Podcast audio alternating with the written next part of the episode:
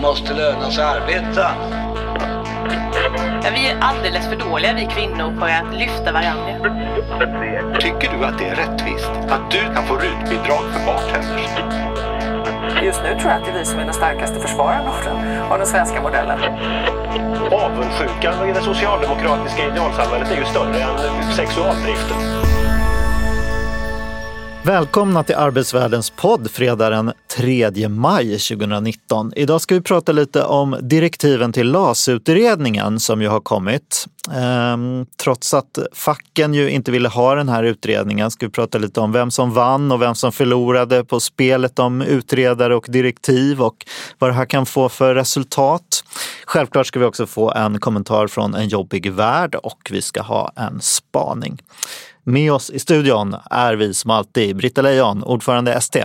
God morgon. God morgon, god morgon. Samuel Engblom, samhällspolitisk chef på TCO. God morgon. Och jag heter Mikael Fältbom och är chefredaktör för Arbetsvärlden.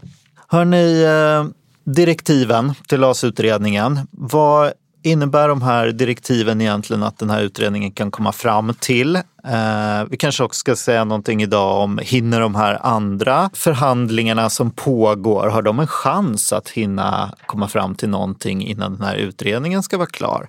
Eh, det pågår ju förhandlingar med LO, Svenskt Näringsliv och PTK, eh, Svenskt Näringsliv och SKL, OFR vad jag förstår.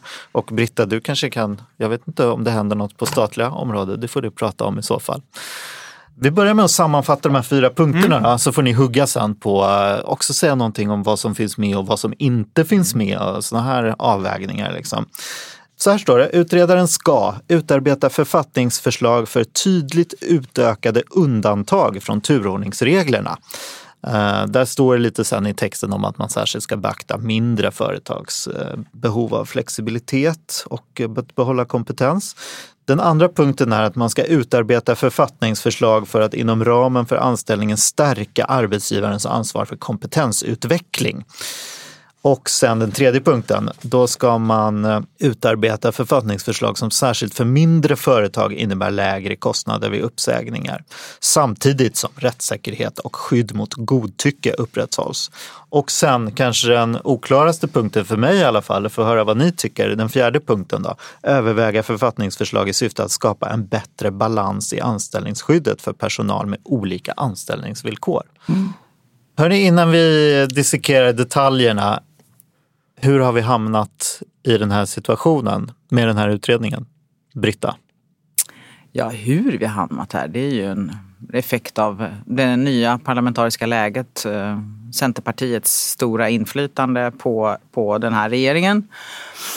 Ehm, och jag tycker att det är oerhört beklagligt att den här utredningen har tillsatts och att den har tillsatts med en så pass kort tid. Ehm, det måste vi ändå börja med att säga. Det är ju eh, kanske sammanfattningen av fackets reaktion på den här eh, utredningen. Medan Svenskt Näringsliv då, om, man ska, om vi, innan vi går in på att liksom sammanfatta någon sorts debatt, de säger ju för lite för sent, säger de inte, men de säger eh, ungefär, ungefär, ungefär, att det här borde ha innefattat eh, personliga, personliga skäl också. Mm. Och att det är de väldigt besvikna över att mm. det inte gör. Eh, så att det, de ser på det här som ett slag i luften och eh, Siri Steyer på Timbro skrev en debattartikel där hon tyckte liksom att Centerpartiet och Liberalerna var lurade av socialdemokratiska skickliga förhandlare som nu hade lyckats dribbla bort hela frågan. och så där. Men med, med den utgångspunkten, liksom, vad, vad ska man eh, gå på här? Vad är det viktigaste? Mm. Vad är de dragen i det här? Ja, först kanske tillägg till det här med bakgrunden vi ska komma ihåg att det här är ju en utredning som är tillsatt för att man behövde lösa upp en politisk knut. Eh, och det är ganska tydligt att när man läser i direktiven att själva problembeskrivningen är ganska allmänt hållen. Det är ganska tydligt vad utredningen ska göra men egentligen vad det här ska lösa för problem det är ganska allmänt hållet och man kan också diskutera det. Jag, för jag, bara, jag håller verkligen med dig och jag tycker att problembeskrivningen är problematisk för den är, man beskriver ett politiskt problem mer än ett reellt problem. Eh, mm. Är, man studsar verkligen på ja. formuleringar där att det ska, ja, vi kan gå Och att då att på, på så kort tid ge sig på så pass delvis grundläggande saker eh, som man gör här, det är ganska riskabelt. Ska vi säga. Alltså ute i, i verkligheten vad det gäller vad det får för effekter på, eh, på arbetsmarknaden. Precis. Och vad är det som det kan få för konsekvenser då? Vilka inom de här olika fyra områdena? Vad bedömer ni? Alltså jag vet inte, Samuel, du, har, du är ju liksom eh, jurist. Jag, jag, men jag ser ändå det, det, det, det som det som ur ett, ur ett, vårt, ett fackligt perspektiv är viktigt att det finns med det är ju att det, den grundläggande balansen mellan arbetsmarknadens parter ska upprätthållas. Står det. det liksom, känner jag är någon sorts bakre gräns för den får man inte passera. Men det, när man läser direktiven så tycker jag ändå att det känns som att när den här utredningen lämnar sitt eh, betänkande om ett år ehm, så då kommer vi få se eh, förslag på tydligt utökade undantag från turordningen och vi kommer att se någonting men fråga mig inte hur, som minskar kostnaderna för mindre företag. Det, det står alldeles klart, för det är så tydligt eh, uppdrag i de här delarna. Jag tänker så här, när man läser direktiven kan man se att de, det är fyra punkter som Britta var inne på. Utredaren ska ett då utarbeta författningsförslag för tydligt utökade undantag från turordningsreglerna. Sen så ska man utarbeta författningsförslag för att inom ramen för anställningen stärka arbetsgivarens ansvar för kompetensutveckling och anställdas omställningsförmåga. Det är ju en punkt som ur, ur ett fackligt perspektiv är en bra punkt. Sen har vi den tredje som är att utarbeta författnings författningsförslag som särskilt för mindre företag innebär lägre kostnader vid uppsägningar samtidigt som rättssäkerhet och skydd mot godtycke upprätthålls. Och sen den fjärde där det är att överväga författningsförslag, alltså en svagare skrivning i syfte att skapa en bättre balans i anställningsskyddet för personal med olika anställningsvillkor. Och det här följer januariavtalets punkt 20 väldigt nära. Så det är inte så att man att man liksom sen har satt sig ner och förhandlat om betydligt bredare direktiv utan man har snarare liksom konkretiserat det som står i januariavtalet. Och då fanns det nog de, eh, både politiskt håll och som vi förstått Svenskt Näringsliv, som hellre hade velat se betydligt bredare direktiv. Som hade velat se en mer allmän översyn av anställningsskyddet. Och det är inte det här, det är inte en allmän översyn av anställningsskyddet. Och jag läser mellan raderna att det här ska ses som lite av en facklig seger. Det tycker jag alltså, du kan göra. Ja, nej men för oss har det varit viktigt i det arbetet som vi har bedrivit fram till de här direktiven så är det ju viktigt att, att, att det här ska inte vara, eh, vi ska inte öppna upp det här för mycket utan det är det här man har kommit överens om. Men det tror jag också har funnits i den, man kan säga, den, det har funnits en logik i de här förhandlingarna. Man mm. förhandlade först fram mm. det här avtalet eh, och sen så ska man sätta sig och ta ut detaljerna och då är det ju ingen som har velat ge, med, ge och göra några mer eftergifter. Eh, och då har det också blivit uppenbart att en del av de här punkterna kanske inte riktigt hade det innehållet som vi trodde. Och då har vi den sista punkten, det här om Eh, eh, som var lite kryptiskt redan i januariavtalet om att skapa en bättre balans i anställningsskyddet för personal med olika anställningsvillkor. Det tolkades som en del initialt och där handlar det om till exempel hyvning och en del sa att ah, titta här, nu kan vi göra upp med allmän visstidsanställning. Men det var uppenbart att det gör inte. Det, kan, det var någonting som, som inte låg i den punkten. Eh, Nej, man kan säga om man ska gå punkt för punkt. Det här med då eh, tydligt utökande undantag från turordningsreglerna.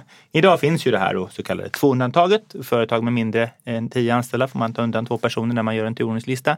Eh, och det där kan man ju utöka på olika sätt. Man kan tänka sig att man utökar det att bli fler personer, att det blir ett större företag eller fler personer, alltså så här, tre personer i företag med 30 anställda mm. eller något sånt här. Eh, men eh, och det, där kan man säga att direktiven eh, säger inte att det är så man ska göra. Där, där är det mer öppet. Det står att utredaren får titta på hela 22 paragrafen eh, LAS. Eh, och, eh, men det ska ju fortfarande röra sig om undantag. Så att det, man kan säga att utredaren, så som jag läser direktiven, eh, kan inte föreslå generella förändringar i 22 paragrafen utan bara undantag.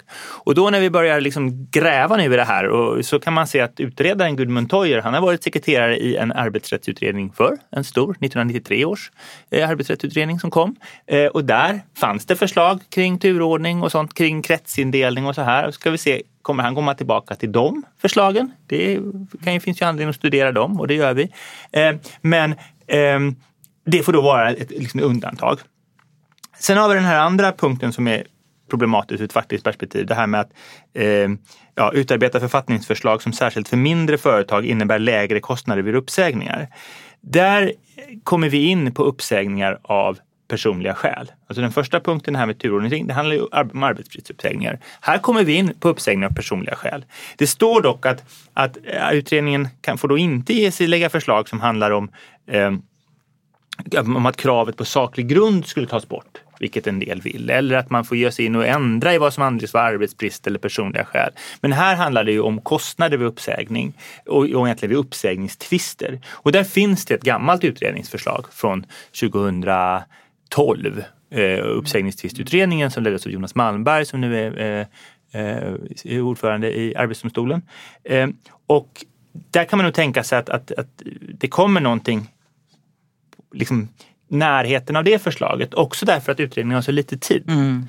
Eh, men det är, liksom, utredaren kan komma på något annat. Det kan ju vara så att utredaren har suttit och grunnat på någonting eller någon annan har en jättebra förslag, annat bra förslag på hur man skulle kunna lösa den frågan. Hur såg det här gamla förslaget ut då? Ja, förenklat kan man säga att så, idag är det så om, du blir, om vi har en tvist om, om, om uppsägning. Om vi säger att vi inte är överens. Jag är arbetsgivare, jag vill säga upp dig. Eh, och, eh, eh, men du anser, och din fackliga organisation anser att du ska inte bli uppsagd. Ja, då, då, Medan vi tvistar om det där så fortgår din anställning. Du blir inte av med jobbet. Va? Då. Eh, vad den, det förslaget var att ja, men efter ett tag så ska man bli av med jobbet. Och det är klart, det ökar ju pressen på arbetstagaren. För då har du inget jobb. Då blir det en ganska högre press att göra upp. Å andra sidan så kan man säga att har man en sån regel så kan arbetsgivaren ha incitament att försöka dra ut på processen tills dess att den här anställningen tar slut. För då hamnar ju arbetstagaren i ett, i ett, ett sämre läge. Så det där är en ganska svår fråga. Vi var väldigt kritiska mot, mot den utredningen när den kom. Men den pekas ut som en möjlighet. Det är som att de ska titta på det. Och så kan man säga att det här är ju saker som, om vi tar då till exempel eh, de utökade undantagen från turordningsreglerna. Eh, det är ju sånt som får lite olika effekter. Beroende på hur de utformas så får de olika effekter. Och de kan få olika effekter på olika avtalsområden. Eh, därför att om vi tittar på Precis. våra förbunds kollektivavtal så kan man säga att kollektivavtal kan vara olika känsliga för mm olika typer av förändringar i arbetsrätten. I vissa mm. kollektivavtal har man skrivit att eh, vi har disponerat reglerna eh, i 22 eh, paragrafen LAS. Det här ersätter mm. eh, liksom den här paragrafen LAS ersätts av våra avtal. Mm. Eh, och då kan man säga, då, kan, då ändras lagen. Men det spelar ingen roll för, då har vi, för våra regler, i, i alla fall inte i första skedet, därför att vi har ett avtal som redan reglerar det. Medan eh, man Eh, det kan vara att på vissa områden, ja då har det funnits, då har man tänkt att ja, till exempel de här undantagsreglerna, de är inte ett problem på vårt område för vi har så stora arbetsgivare. Det kan, kan det ju vara i delar av offentliga sektorn till exempel. Och då kan det vara så att, oj då, skulle man då göra stora förändringar där så får det stora effekter eftersom man har inte, liksom inte disponerat den regeln. Man har inte sagt att vi har egna regler på det området. Så det, är, och det här är sånt som, som, som är viktigt tycker jag i de här direktiven. Det står ju att man ska analysera den här ja. typen av effekter mm. och man ska göra det för både privat och offentlig sektor. För mm. det här mm. kan se ganska olika ut på olika områden.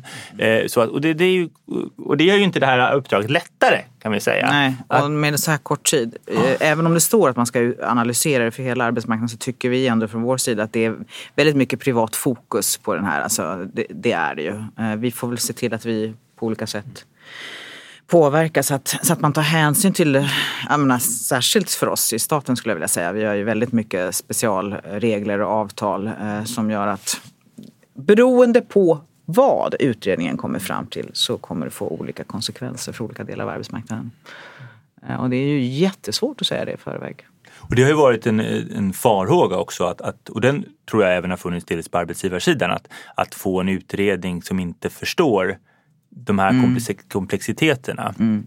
Och där ju valet av utredare är ju någonting som, som både från arbetsgivare och arbetstagarsidan vi har varit nöjda med. För att mm. man vill ha någon som, som faktiskt förstår och är kunnig och förstår systemet. det är viktigt ja. för det här, det här är ganska komplicerade saker. Mm. Vad ser nej, men, du för risker då Britta? Inom nej, men, statlig sektor? Nej, men, eh, som jag sa, det är jättesvårt att veta. Men jag skulle säga med så här kort utredningstid så har jag väldigt svårt att förstå hur man ska kunna hur man ska kunna åstadkomma något eh, gediget som funkar för hela arbetsmarknaden och dess olika eh, sektorer och dess olika avtal. Men, men det är, han är som sagt väldigt mm. erfaren. Eh, det finns tidigare utredningar, precis som Samuel har varit inne på, som man kan använda sig av även om vi då är väldigt kritiska mot flera av dem. Men, men jag, som jag sa vid någon tidigare podd, alltså det här riskerar ju faktiskt att också påverka nästa avtalsrörelse. Därför att när, när de ska vara klara här, det är ju liksom rakt in 31 i nästa... 31 maj ja, men 2020. Exakt. Ja, men det är ju liksom rakt in i... Ja, vi ligger ju också dessutom senare än alla andra. Så det är rakt in när vi, ungefär när vi lämnar våra yrkanden till Arbetsgivarverket. Så att, ja, ser ju framför mig att det här, då vet inte vi exakt, då har vi säkert något förslag där då kanske. Eh, och eh, sen ska det remitteras och det ska liksom, det dröjer ett tag innan det blir verklighet. och sen har vi Jonas Sjöstedts eh, lilla eh, hot där också så att vi vet ju inte vad som blir verklighet. Men, men jag ser klart framför mig en risk att vi nu måste förbereda oss för att det blir en kort avtalsperiod för oss. För vi kan ju inte skriva på något långt avtal om vi sen riskerar att få någonting som faktiskt påverkar våra möjligheter. Ja, men till exempel, ponera att det skulle innebära att våra eh, trygghetsfrågorna för de statligt anställda påverkas ännu mer negativt än vad som redan är fallet. Det kommer redan vara en stor fråga i nästa avtalsrörelse för oss. Eh, helt omöjligt för oss att skriva på ett långt avtal med så stora frågetecken som hänger över oss. Eh, vi måste ha en handlingsfrihet att kunna ta hand om, om nya puckar som kommer. Så att, eh, att det blir ett kort avtal är ju en stor risk för. Just det. Och så kanske det blir inom de flesta branscher? Då? Ja, alltså osäkerhet är ju aldrig bra som underlag för en avtalsrörelse. Mm. Nej, och det ligger en väldigt stor avtalsrörelse precis i slutspurten mm. som sammanfaller med slutspurten på den här utredningen. Mm. Så det, och det tror jag, det verkar de flesta vara överens om att det kommer inte göra det lättare. Nej. Eh, och ska man dessutom då samtidigt förhandla fram någon form av partslösning eh, i under samma period så, så ser det ganska svårt ut ur det perspektivet. Eh, så att här har, jag tror att eh, ja, politikens agenda, parternas agenda ser ganska annorlunda ut. Eh, eh, och man har inte tagit hänsyn till eh, hur verkligheten ser ut med en stor avtalsrörelse och sånt. Eh, ja. Hörni, eh, första punkten där att man ska ha utökade undantag från turordningsreglerna. Det beskrev du ganska väl hur man skulle då eh, kunde fundera i olika kategorier. Det kunde bli fler undantag för små företag eller man kunde utsträcka företaget till att bli lite större som fick göra undantag. Men det här med att stärka arbetsgivarens ansvar för kompetensutveckling då? Hur, vad kan man se kan hända där? Ja, där är massor inte, med saker ja, kanske. Där ja. är det inte lika uppenbart kan jag säga. Nej, där, men... Och där pekar inte direktiven ut någon särskild lösning. Utan där finns det möjlighet att tänka eh, ganska kreativt. kreativt. Och också tillsammans med de andra punkterna kan jag tänka mig att man skulle kunna se detta som i kombination också. Det som är klart är att det här är någonting som ska hamna eh, inom arbetsrätten. Det handlar om att skapa någon form av arbetsrättslig rättighet till kompetensutveckling. Det är ju egentligen det det handlar om. Eh, och det finns inte så tydligt idag. Eh, så att det här är en punkt som, som, som är viktig eh, för, för oss och kan vi få ett bra innehåll i den så kan det hjälpa till att delvis balansera upp det andra. Om inte annat så att det, det, det, gör, det blir en annan bas för de förhandlingar som sen ska ske va? utifrån eh, men när vi tar, tar de här två andra punkterna i, i, så, så att det är ju, den, är, den, är, den kan bli väldigt viktig. Eh, så att där mm. har, finns, det, den, det är ju det positiva ur vårt perspektiv. Och kan också bidra till lösningar för helheten på något sätt som, som kan bli bra mm. beroende på hur man gör det. Det liknar lite de förhandlingar som har förts tidigare om utökad flexibilitet och mer ansvar för eh, vidareutbildning. Gör inte det? Som stupade där 2015 mm. eller när det var. Nej, men det, den här tanken finns ju ganska mm. väl etablerad på olika håll. Eh, att, att på något sätt att eh, man, man eh, ska stärka rätten till kompetensutveckling. Eh, och att det här då görs i något, i något sorts sammanhang där man gör andra förändringar i arbetsrätten. Den, den har ju funnits. Men det här är viktigt. Det här är också viktigt. Här står det att de ska utarbeta författningsförslag. Va? Här ska faktiskt komma mm. någonting. Mm. Och det har varit, tycker jag är viktigt att, att man kan se att man i alla fall på, på det är inte bara vad gäller det som handlar om undantag från turordningsreglerna och sänkta kostnader vid uppsägningar där det ska läggas skarpa förslag. Här ska det också läggas mm. ett skarpt förslag. Mm. Och det är ett, liksom ett krav på utredaren. Så det, där var liksom, där är, det är sådana här sammanhang där själva formuleringarna i ett utredningsdirektiv kan bli väldigt viktiga. Mm. Och här, det här är en formulering som, som vi har velat ha och som är viktig för oss. Kan man säga något om tredje punkten då? Eh, att eh, man ska få lägre kostnader vid uppsägningar utöver det som du har nämnt Samuel. Nej, det här, alltså, uppsägningstvistutredningens förslag är en variant. Men det finns, det, det, de är, ja, som mm. jag sa, utredaren är inte låst till det och det kan se om det kan finnas, eh, finnas annat där.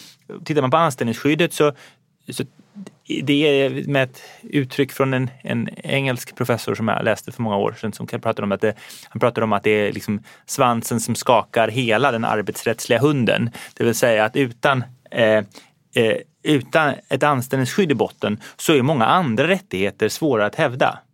Om du kan bli uppsagd eh, på lösa boliner, eh, eh, ja då blir det svårare att hävda eh, eh, dina rättigheter vad gäller på arbetsmiljöområdet. Eller det, det, även om det finns skydd för, för till exempel eh, fackligt aktiva så, så liksom allt som urholkar anställningsskyddet riskerar att göra arbetsplatserna tystare, Mm. eh, mer godtyckliga, blir en annan miljö och det där är ju väldigt viktigt att man tar hänsyn till här. Mm. Vad får det här effekter för effekter på andra områden? Och det är en sån sak som vi kommer, liksom, nu när vi ska punktmarkera den här utredningen, kommer Mm. att komma in med hela tiden. Vad, finns, vad får det här för effekter? Vad leder det till på andra områden?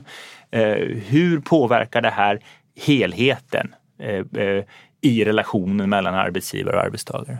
Det är superviktigt. Jag tror, jag tror att, jag menar, alla de här internationella jämförelserna som, som visar att Sverige är ett av få undantag där, där liksom medelklassen inte har åkt på storstryk bara de senaste 15 åren ekonomiskt. Det hänger ju samman med hur det ser ut på arbetsmarknaden. Vilka rättigheter, vilka villkor som, som liksom finns på arbetsmarknaden.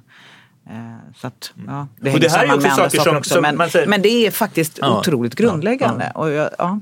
Nej men det är också apropå det här med den, den, den, eh, att de har problem att beskriva problemet. Att de har svårt att beskriva problemet i direktiven. Ja. Det är också det här att den ekonomiska forskningen eh, och liksom policyrekommendationerna från internationella organ, organ går ju liksom inte i den här riktningen längre.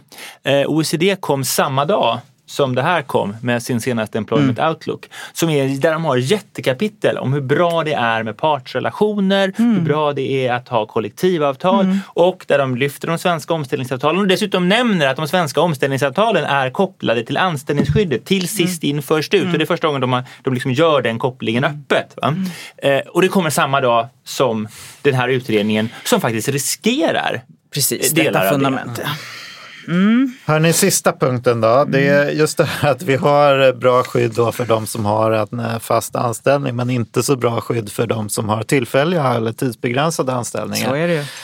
Eh, Det står ju här att balansen ska förbättras. Samtidigt så står det ju att, eh, om man uttrycker det lite trassligt, ungefär att det ska inte bli så att de tidsbegränsade anställningarna får bättre villkor. Nej, precis. Balans kan ju gå till? uppnås på olika sätt.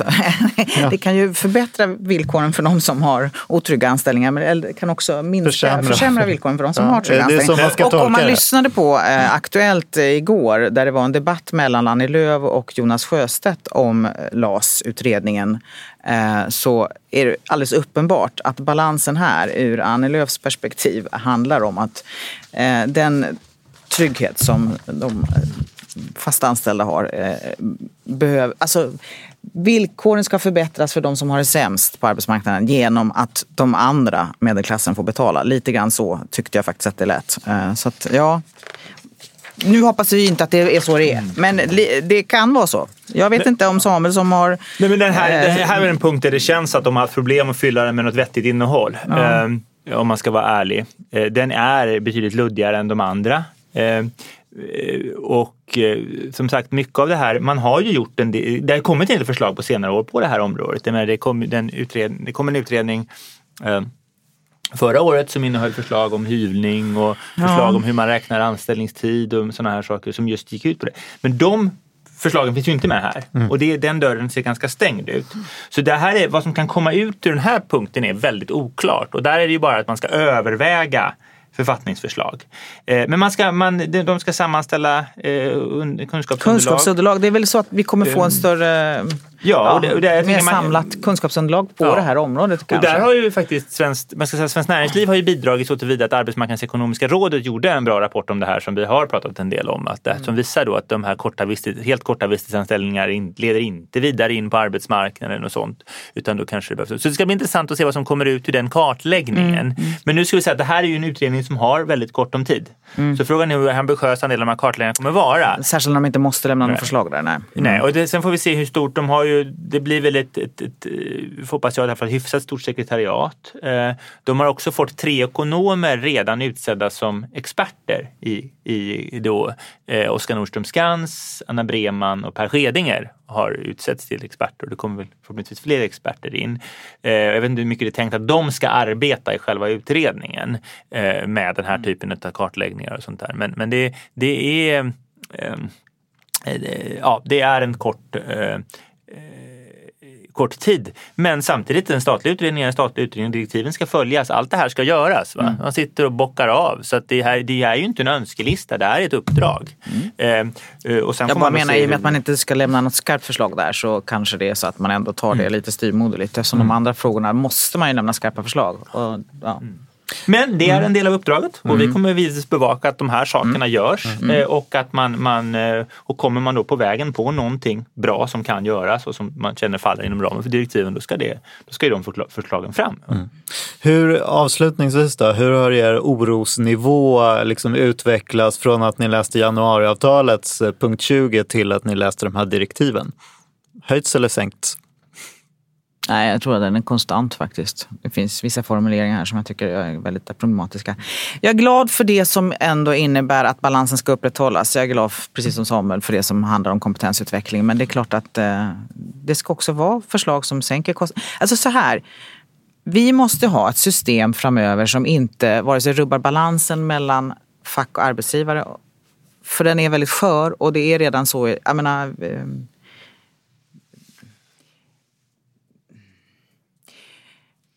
Vi har redan, skulle jag vilja beskriva, tack, bland annat tack vare den lägre organisationsgraden, ett system som är eh, eh som behöver stärkas om det ska fortsätta att överleva och fortsätta att leverera så stora konkurrensfördelar som det faktiskt gör för Sverige. Och så, som levererar så pass stor Eh, ändå trygghet och eh, välfärd till Sveriges löntagare. Så att jag är allvarligt oroad över att balansen ändå kommer att rubbas om man inte lämnar eh, förslag som är väl genomarbetade.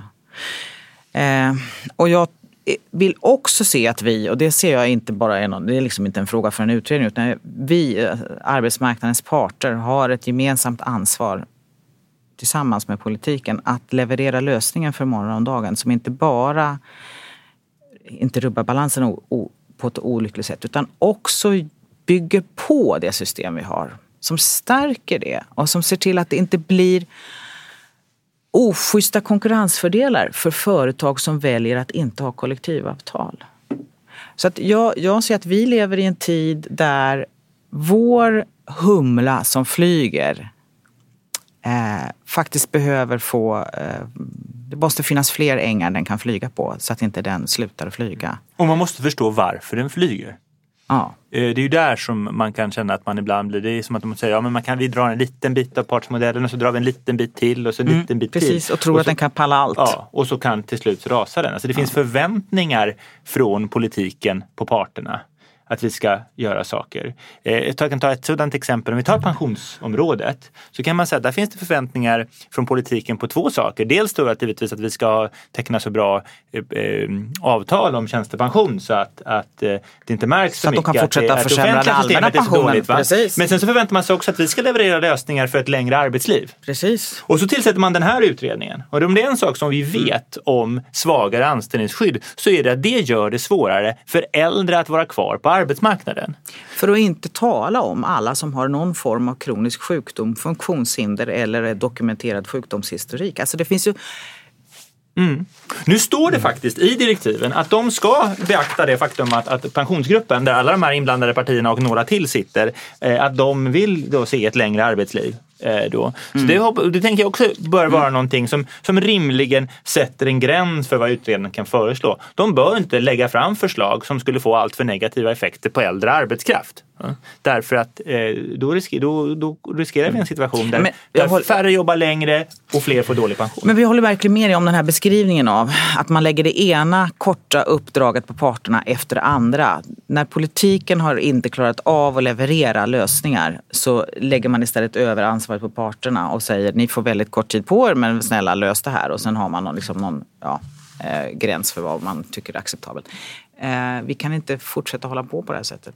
Samuel, din orosnivå då? Januariavtalet jämfört med direktivet? Alltså, dels, det här följer ju då januariavtalet väldigt nära och då kan man väl säga att men då är jag ju eh, mindre orolig så tillvida att vi har inte fått en utredning som öppnar upp hela, arbets, eh, liksom hela anställningsskyddet. Så det, då är orosnivån lite ner. Å andra sidan så är det ju det här då lite beskriver att det, det, jag har ju också träffat många av de här politiska företrädarna som hållit på, som hållit på med de här direktiven och som hållit på med de här förhandlingarna. Och då är ju min oro blir det här att man förstår nog inte riktigt komplexiteten. Eh, eh, i, i, i detta. Och att man har en så, så diffus bild av, av vad det här ska leda till på arbetsmarknaden.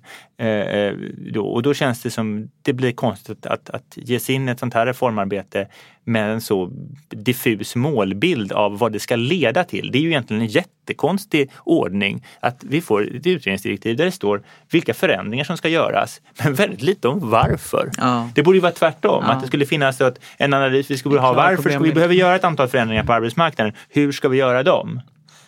Eh, det här är ju mm. egentligen börja i fel ände. Det står ju lite om att uh, unga och uh, nyanlända ska in på arbetsmarknaden då, vilket uh, kanske vetenskapen säger lite både si och så om. Men handlar det inte ganska mycket om att sänka kostnader för företag? Jo. Är inte det, det gott nog? Så att säga. Det är det det handlar om. Mm. Eller? Ja. Ja, och en, i värsta fall en maktförskjutning. Ja, eh, precis, som gör att det blir svårare att förhandla de här avtalen är, som vi sen bygger ja. så mycket annat på. Det är där mm. som man, mm. man blir ja. fundersam på, på om de verkligen förstår sambanden Absolut. och komplexiteten. Mm. Ja. Men det kommer vi att göra vårt bästa för att eh, beskriva. För, ja.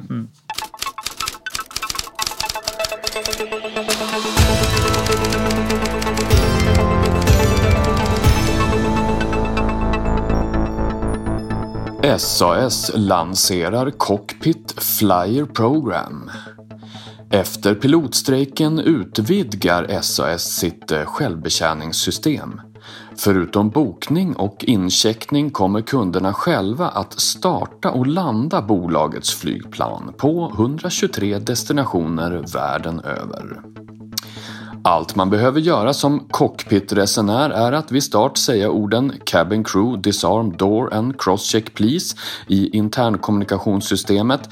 Därefter trycker man på en knapp “Resten sköter autopiloten” säger SAS norske informationschef Knut Morten Johansen.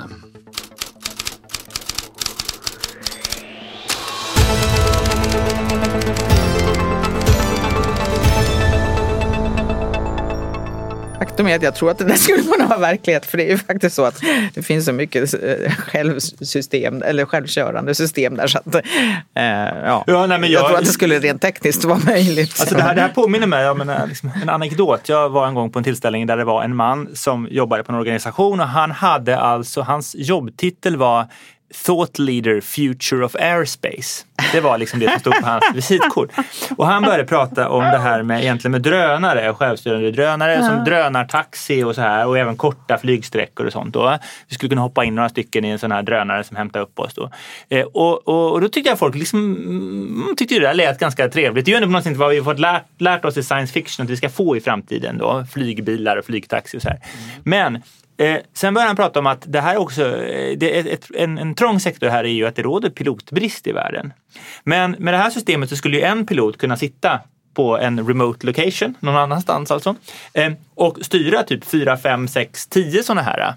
Precis som våra flygledare börjar få göra nu. Ja. Styra och då, men då såg man att, att publiken började bli lite mer skeptisk. För någonstans så vill du det här, du vill ju ändå att piloten ska sitta i planet. Du vill att piloten ska ta samma risk som du själv tar. Ja? Eh, vi litar inte riktigt på att, att liksom det ska sitta någon, någon och styra tio sådana där och du ska sitta en av dem. Där någonstans där gränsen för vad vi är beredda att göra. Eh, Men vi är uppenbarligen ligger, beredda att låta en flygledare styra flera flygplatser och flygtorn. Det är brist på flygledare också. Ja. Så, så den där verkligheten finns redan idag när det gäller flygplatserna. Ja, superbra eh, satir i alla fall. Bra. Hörni, eh, spaning då? Har vi någonting där? Ja, vi fastnade i Miljöpartiet där. Ett, ett reklaminslag. Bra! Okay. Eh, I, eh, här i måndags så gick vi ut med någonting helt nytt från TCO, nämligen våran eh, Akademi för framtidens arbetsmarknadsforskare. Vi har identifierat det som ett problem att, att eh, arbetsmarknadens parter och forskningen pratar lite med, för lite med varandra. Och det finns också så att arbetsmarknadsforskare från olika discipliner kanske pratar lite för lite eh, för varandra. Så vad vi har gjort det då, det är att vi har nu skickat ut en inbjudan eh, där tanken är att eh, doktorander, nydisputerade postdocs, alltså forskare lite i början på karriären.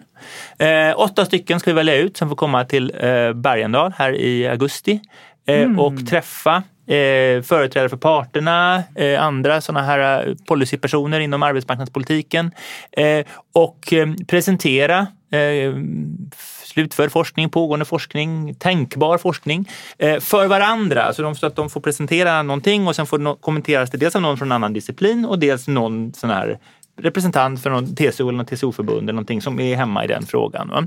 Eh, Och på det viset inleda någon sorts dialog mellan, fördjupad dialog mellan, mellan forskarna och, och partsystemet i allmänhet och TCO i synnerhet. Och sen så tänker vi följa upp det under året och sen kör vi en ny kull nästa år. Så det här ska bli någonting återkommande. Vi fyller ju 75 år så vi måste komma på lite nya saker att göra. Det Så det här ska bli jättekul. Eh, Jag, jag, själv, jag ansvarar för den här eh, och jag tycker det ska bli jätteroligt att få göra.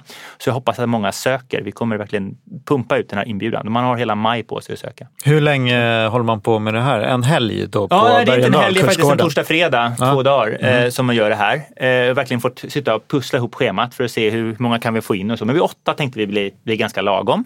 Eh, då får du ha alla tid liksom att prata med varandra och sånt. Och sen tänker vi att vi följer upp under året. Eh, det här är ju, kommer ju vara personer som håller på med sånt som vi tycker är spännande. Eh, så att det blir kanske fler, lite, lite, några fler träffar senare i kanske mindre grupper och andra konstellationer. Och sen så kör vi en ny vända då 2020. Eh, så det, det ska bli jättekul. Eh, och och kom, tror jag också kan ge oss ganska mycket nya idéer. På, på, för forskningen har ju en tendens att ligga både före oss och efter oss. Det är min. Dels, den ligger ofta tio år före och tio år efter samtidigt. Eh, och det ska bli jättekul att, att få göra. Det, det, Det låter på, som det behövs en podd om specifikt det här tycker på jag. slutet tyckte jag det började likna en riktig spaning. Här. Ja, att forskningen verkligen. ligger tio år framför och tio år Ja, efter. jag, det vill jag höra mer om Samuel Ja. vid något Ja, annat nej, tillfälle. men det kan vi. Jag har ju faktiskt fått, eh, jag har suttit och bedömt forskningsansökningar för Forte som är forskningsrådet inom. Det var jätteintressant för då får man en bild också av, av forskningen. Och, och det tror jag att det finns jag tycker också när man ger sig in på ett område, så eh, när någonting händer som alla börjar uppmärksamma, då är det alltid någon forskare som skrev om det här för 15-20 år sedan. Ja. Men sen kan man också ibland när man själv då jobbar i den här världen känna att ibland dyker det upp forskning som Ja, det där var ett jättehett ämne. Det var någonting som vi diskuterade jättemycket för 5-10 år sedan. Men nu har den frågan liksom fallit i bakgrunden för utveckling på arbetsmarknaden blev en annan eller vi löste det där på något särskilt sätt eller något sånt där. Så det där är, eh, och det kan ju vara så att det är samma forskning som man uppfattar som att den ligger fem år för sent. Men det fanns någonting i där som någon kommer plocka upp om tio år och säga, kolla här, redan för 15 år sedan så sa ju den här personen så här och det förutspådde. Så det där tycker jag är liksom jättespännande. Men vi ska, och det ska kul att få igång den liksom, dialogen. Bra, förhoppningsvis helt rätt faktiskt för vår, eh, våra lyssnare. De borde vara i målgruppen eller åtminstone En i de som kan tipsa Mer information målgruppen. finns på TCOs hemsida, är tco.se. bra. Bra, hörni, eh, tack så mycket idag. Vår oförtröttliga panel, Britta och Samuel. Tack själv. Och tack också till Anders som klipper, Anders Ljung. Hörni, lyssna igen om två veckor och eh, glöm inte att prenumerera på Arbetsvärldens nyhetsbrev där ni får alla våra nyheter i mejlen direkt. Tack för idag!